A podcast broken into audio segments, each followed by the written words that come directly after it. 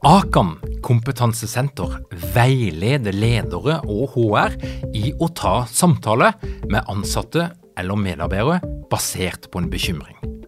Akan setter ledere og medarbeidere i stand til å forebygge og håndtere en problematisk bruk av alkohol, narkotika, legemidler, spill eller doping blant ansatte. Ønsker du å lære mer om god forebygging og gjennomføring av samtale med en som du er bekymra for? Da kan du nå få tilgang på Akan sitt digitale samtalekurs til spesialpris, kun 760 kroner. Målet med kurset er å gjøre deg tryggere i det som kan være en krevende, men viktig samtale å ta i lederrollen. Du får tilgang til kurset med å gå til samtalekurs.no, samtalekurs.no, og bruke kampanjekoden LEDERPODDEN. Tilbudet gjelder ut april.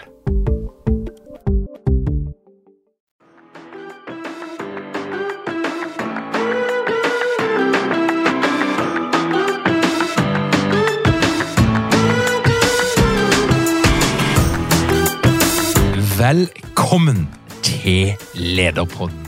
Mitt navn er Tor Åge Eikerapen. Jeg jobber som organisasjonspsykolog med leder- og ledergruppeutvikling, og dette her er en podkast om ledelse. God sommer! Akkurat nå så er det ferietid, og jeg har tatt meg den friheten at jeg ikke lagd en ny episode denne uka. I stedet så har jeg fått hjelp av min gode lydingeniør Emil til å plukke fram en episode fra arkivet. En av de mest populære, og det er den du skal få kose deg med nå. Vel bekomme.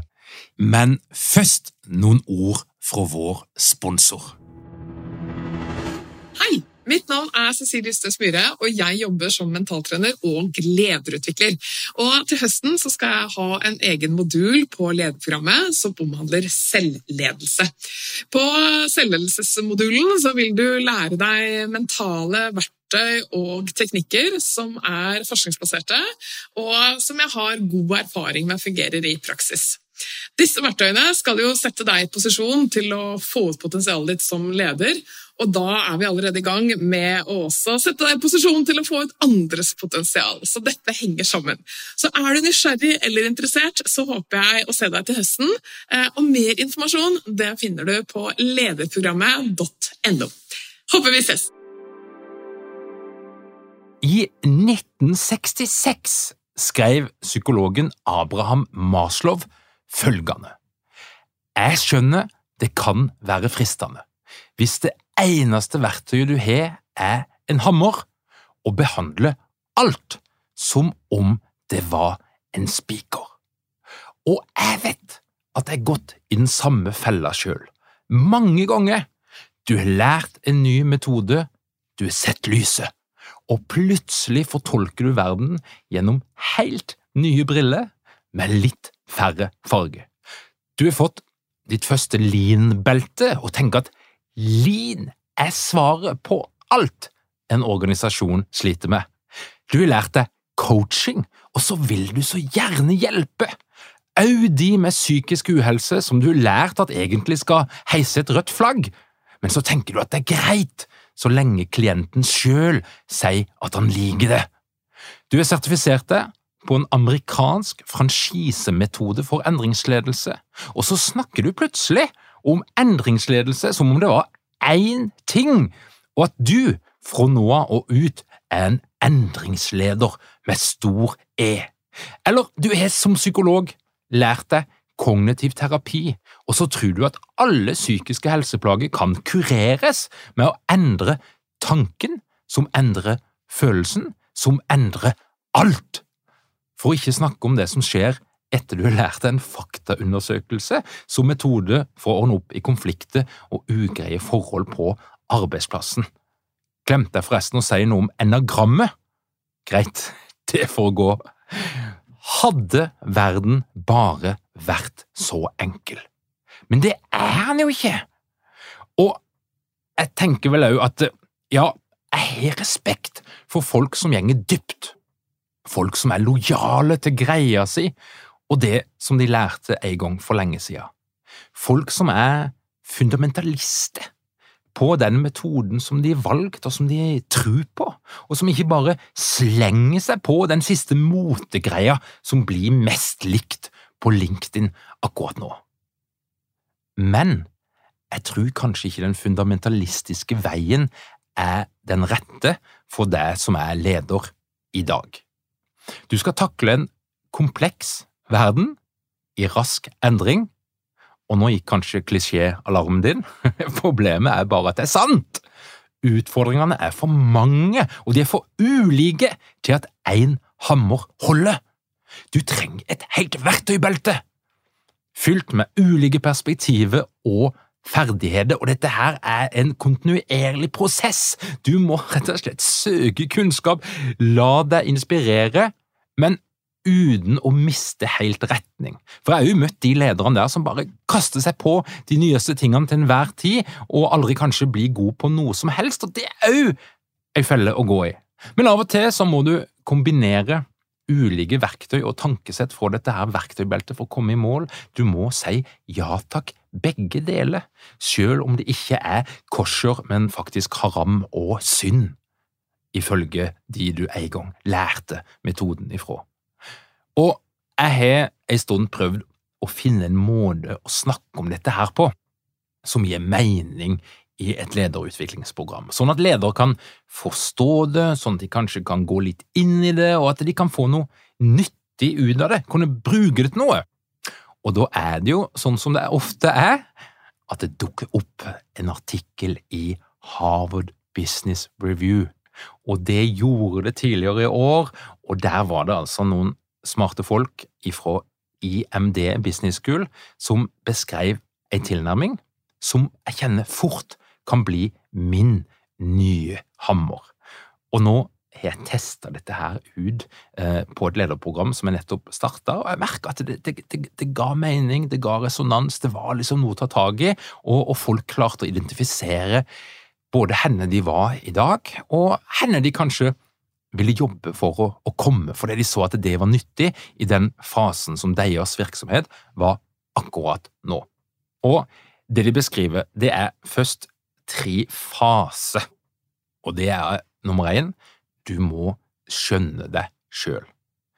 Og da kan vi snakke om personligheten din, vi kan snakke om motivasjonen din, følelsene dine, dine styrker, dine sårbarheter, dine mekanisme når du skal håndtere endring, motstand, kritikk, og er dine vanlige steder å gå når du opplever ulike ting i lederrollen. Og hva er det som er typisk for deg og din atferd, hvordan blir du opplevd utenfra? Hva er dine naturlige, automatiske atferdsmønster som leder? Og de bruker altså et begrep som eh, de kaller for sweet spot og sweet range. Sweet spot det er det stedet du oftest gjenger til når du opplever en situasjon som er sånn eller sånn, når du for eksempel får kritikk, eller når du for eksempel skal jobbe med en framtidsvisjon, eh, når du i din daglige ledelse skal håndtere ulike problemer, og er din mest vanlige reaksjon eller tilnærming til det. Det kalles altså for din sweet spot i denne sammenhengen. Og så sier de at du må forstå omgivelsene dine.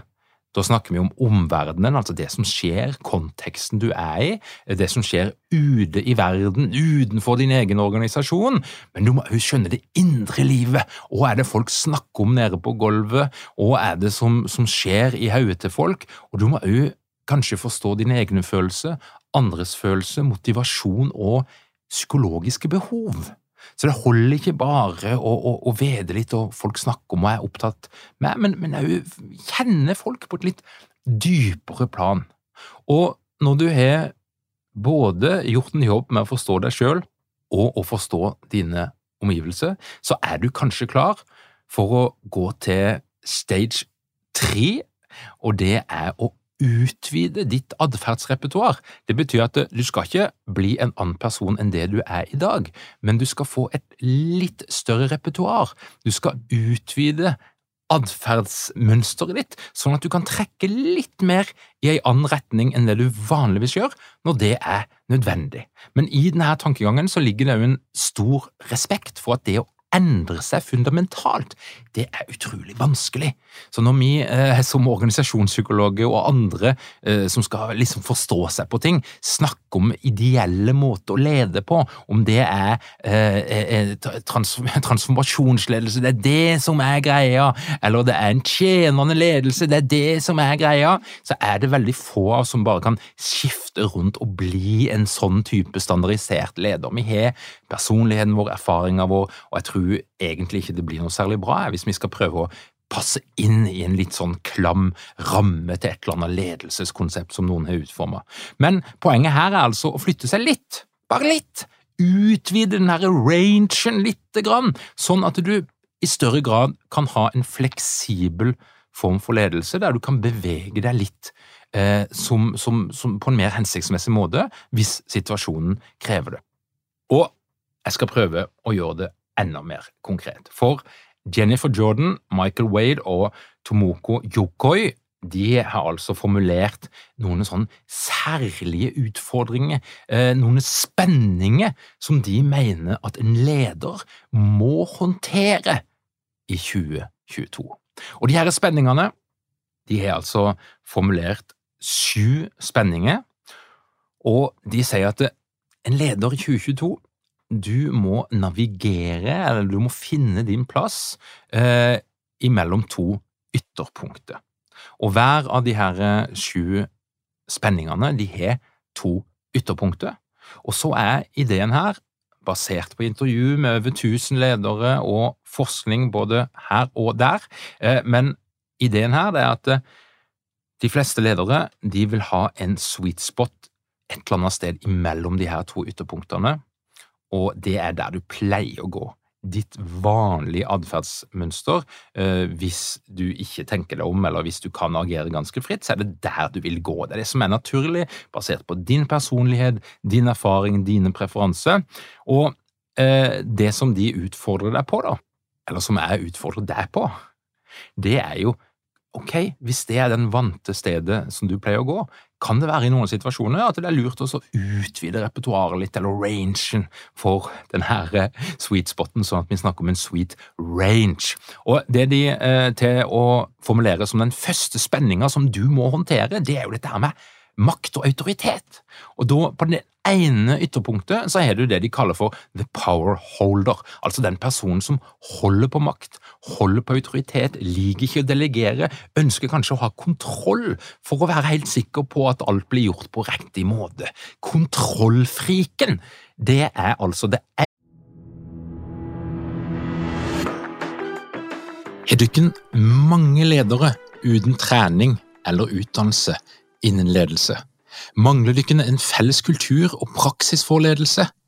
Ønsker dere å være bedre rustet for fremtidig vekst og endring? Da kan et internt lederutviklingsprogram være en god investering.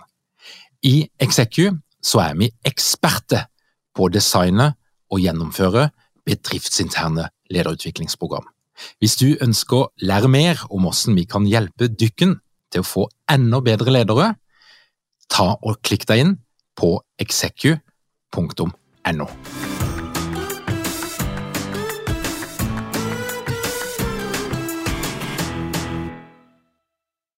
ene ytterpunktet på den venstre sida. På den andre sida så har du da det som er eh, delegeringslederen, eller the power sharer, den som deler makt og autoritet, og faktisk tør å stole på andre tør å gi andre ansvar, eh, tør å gi andre muligheten, som også kan innebære at de feiler. Men det er altså den andre sida, den type leder som tør å ta et steg tilbake og la andre ta ledelsen. Og som dere vet veldig godt, så har vi i denne podkasten presentert ganske mye forskning og erfaring som tyder på at i dagens organisasjoner så er nok det veien mange peker på at den bør gå, men samtidig så kan det jo være at eh, det er situasjoner der du faktisk bør holde på litt autoritet og makt som leder. Poenget her det er å ikke gå ifra å være en power holder og så gjenger du helt over til andre sida, så blir du plutselig en power sharer. Det er kanskje ikke mulig å gjøre sånn over natta, men det å strekke seg mot å dele litt mer makt, delegere litt mer, gi litt mer ansvar ut, litt mer eh, eh, frihet og autonomi, ja, det er mulig, og det er det jo mulig å ha en fornuftig samtale om, og det er mulig å, å snakke om lederatferd som gjenger litt mer i den retninga. Den andre spenninga som eh, blir nevnt, det er taktikeren versus den visjonære lederen. Og taktikeren, der handler veldig mye om å lage en logisk, konkret plan som er kortsiktig. Det handler altså om det som gjør rett foran oss akkurat nå, og som vi skal håndtere det på en god måte. Den visjonære lederen den er kanskje ikke så mye på detaljene og det kortsiktige, men det langsiktige. De store visjonene, de store vyene, se langt framover. Hvordan skal vi rigge oss for denne framtida? Og det kan godt være at i en del organisasjoner så har du to personer som ivaretar hver sin del av dette her. Men hvis du er da lederen, så kan det jo være at hvis du er mest taktisk, så er det veldig fordelaktig på en del områder, men at du skal trene deg litt på av og til òg strekke deg mot å være visjonær og, og, langsiktig. Og her er det jo litt sånn, du kan kjenne på det, at uh, det er ikke opplagt at den ene tilnærminga er riktig og den andre feil. Sannsynligvis trenger du litt av begge deler. Kanskje har du ikke en ledergruppe der kan utfylle hverandre, men det å ha en bevissthet da, på at det er en tendens til å trekke litt mot det visjonære, og det er bra, men av og til kan det bli litt for visjonært. Eh, eh, eller hvis jeg skal snakke med mine medarbeidere og mine medledere, så må jeg òg eh, ta inn over meg dette perspektivet som er mer kortsiktig. Det trenger folk. Så det å bevege seg altså mellom den taktiske og den visjonære lederen, som to ytterpunkter på samme linje. Eh, den neste, den tredje spenninga som ledere må deale med i dag, det er spenninga mellom å på den ene sida være konsistent, den konsistente leder, der du, der du mener stort sett det samme i år som du gjorde i fjor, og du er forutsigbar. Du har en, en beskjed og en måte å jobbe på som er eh, gir folk eh, rett og slett forutsigbarhet og trygghet. For at du, du, du, mener stort sett det samme som du alltid har gjort, og det vet en. Du driver ikke og skifter mening i tid og utide. Fantastisk med sånne trygge, stabile ledere som, som vet henne de vil, og, og, som har en strategi som varer i 10-15 år. Men på den andre sida av dette her kontinuumet så har vi The Adapter, som altså er lederen som stadig tilpasser seg og justerer kursen basert på ny informasjon og endring som kommer. Og Det er klart at det kan ofte høres ut som at alle ledere i dag bør være adaptive i veldig høy grad, og at en bør forandre kursen hele tida basert på det som skjer, men samtidig så trenger vi jo et lite anker der òg. Noe som er likt, noe som er konstant, og noe som kan utfylle hverandre. Så uavhengig av hvor du befinner deg sjøl, om du er en typisk konstant eller en person som tilpasser deg veldig lett som leder, så, så, er jo det interessante her å snakke om når er det du må bevege deg litt i den andre retninga. Når kan det være smart? Det kan handle om spesielle situasjoner, eller det kan handle om fase som virksomheten er i akkurat nå. En artig spenning som òg jeg tror eh, mange kan kjenne på i dag, det er jo spenninga mellom å være en perfeksjonist som skal gjøre alt perfekt og riktig og grundig, selv om det tar litt lengre tid. Og i den andre, motsatte leia så har vi akseleratoren, som ikke er så opptatt av at det skal være perfekt. Det kan gjerne være 70% men fart er det som er viktig. Vi må ha fart i denne organisasjonen. Vi må komme framover.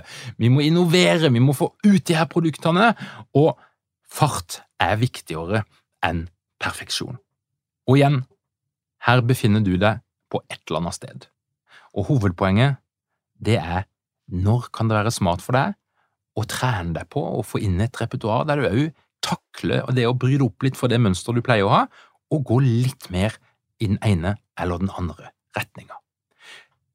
Den femte spenninga, det er forskjellen, det, og dette her minner litt om, om Briggs og, og eh, JT, du som kjenner til det, men uh, det er altså den intuisjonsdrevne lederen versus den analytiske lederen. Og eh, hvis det er en ting som preger verden i dag, så er det jo at vi har tilgang på masse data. Og, og jeg, jeg, hørte nettopp jeg, jeg snakke om, om, forskjellen på å være data-driven og data-informert. Altså at data er jo alltid gjenstand for fortolkning, menneskelig fortolkning, så dataen kan jo ikke drive noe som helst, men den kan gi oss informasjon som må fortolkes av mennesket. Men uansett, det er jo to ytterpunkter. Er du intuisjonsdreven, så baserer du valgene dine på følelsen, magefølelsen. Det føles riktig. Erfaringa mi sier at uh, dette her er veien å gå.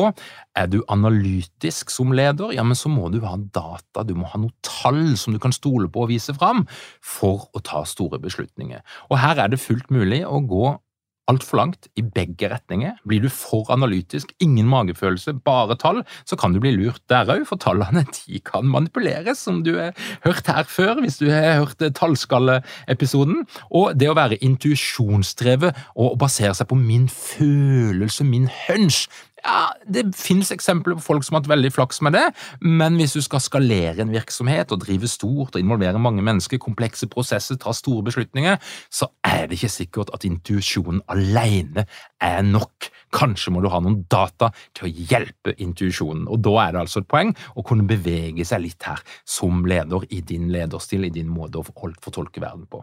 Den sjette spenninga, det er spennet mellom eh, The Miner, altså den her gruvearbeideren som gjenger dypt inn i den indre organisasjonen for å, å, å finne en mulighet og et forbedringspotensial, eh, mens eh, det som da blir kalt for the prospector, det er en person og en leder som, som hele tida kikker på utsida av organisasjonen for nye forretningsmuligheter, nye samarbeidsmuligheter. Altså en, en type ledelse, som, en type leder som da enten eh, sørger for eh, forbedring internt i det som allerede eksisterer, eller en type leder som kikker ut forbi egen organisasjon for å finne muligheter. Og her er det jo sannsynligvis at du, leder, befinner deg på et sted som er din vanlige måte å tenke på og gjøre ting på, og så er det jo da interessant å gå inn og analysere. Er det sånn at du kan bevege deg litt mer i den ene eller andre retninga, og så vil det gi noen nye muligheter eller en ny tilnærming som du kan eh, tjene på på et eller annet vis. Den siste den er klassisk. Den har vi snakka mye om i lederbåten, bare med litt andre ord. Men det er eh, jo da eh, her, de her to ytterpunktene. Er du en person som helst forteller, altså som gir eh, råd, som gir retning, som gir ordre kanskje av og til, eller er du en person som lytter? Eh, en leder som lytter. Det er altså to ytterpunkter, og det er selvfølgelig det er fullt mulig å være på midten, men hva er liksom din mest vanlige tendens? Er du en snakker, en forteller, en som gir råd, en som gir ordre, en som gir retning, eller er du en person som lytter? Og her tror jeg mange ledere kjapt identifiserer hvor de hører hjemme, og det er lett å se at ai, jeg bør nok bevege meg litt mer mot å bli en lytter. det fins de som sier det motsatte òg, men jeg opplever at de fleste sliter litt med, med lyttinga. Det å gi beskjed det er ganske enkelt, slippe å, å trene på det, men, men, det er helt klart at det er òg eh, eh, massevis av muligheter til å trene seg, til å strekke seg må du gå mer i den ene eller andre retninga. Og jeg tykker dette her er en, eh, et perfekt rammeverk for å drive med lederutvikling og identifisere utviklingspotensial ikke fordi du skal forandre deg eller gjøre ting helt annerledes, men fordi du skal strekke deg litt mer i den ene eller andre retninga, og kanskje ikke på alle de her syv på en gang, men på én eller to av de. Eh, sjekk det ut. Jeg legger en eh, link eh, inn i shownotesene, så kan du finne ut mer om dette her. Men hovedpoenget det er altså å gå ifra en sånn derre én hammer, og den hammeren holder jeg hardt fast i, og den bruker jeg på alle typer problemstillinger, til å ha en større grad av fleksibilitet, en, en, en, en litt sånn lekenhet, en nysgjerrighet, og ha flere verktøy å spille på, uten å bli ukonsistent og fragmentert og en sånn person som er enig med siste taler, og det er liksom, det er ikke noe substans, det er ikke noe som holder der, alt forandrer seg hele tida. Jeg tenker vi må få lov til å ha noe i oss som er konstant, stabilt, og som er sånn som det skal være. Men ferdigheter, eh, det er jo Det handler ikke om å forandre personlighet, det er ferdigheter som en kan trene seg på, og der det er mye som tyder på at det er hensiktsmessig å ha et større spillerom hvis du skal møte en ganske kompleks verden og en ganske kompleks hverdag som leder. Så kjære leder, hva er din favoritthammer? Det hadde vært gøy å høre mer om, eh, for vi må jo snakke om, om armene våre. Og så lurer jeg jo fælt på om du har eh, vært borti et eller annet som har gitt deg noe inspirasjon, med tanke på eh, neste verktøy som du skal få i beltet ditt, sånn at du kan fylle det opp gjennom et langt og lærende liv. Takk for at du hører på Lederpodden. Hvis du er interessert i å lære mer, så kan du komme deg inn på ledernettverket.no hvis du bare har lyst til å følge litt med fra sidelinja på alt det vi holder på med i vårt lederunivers. Så kan du gå inn på lederpodden.no, trykk på den rette knappen, skriv inn din e-postadresse, og du får vårt nyhetsbrev hver eneste fredag. Takk igjen for at du hører på Lederpodden. Vi høres igjen om ei uke.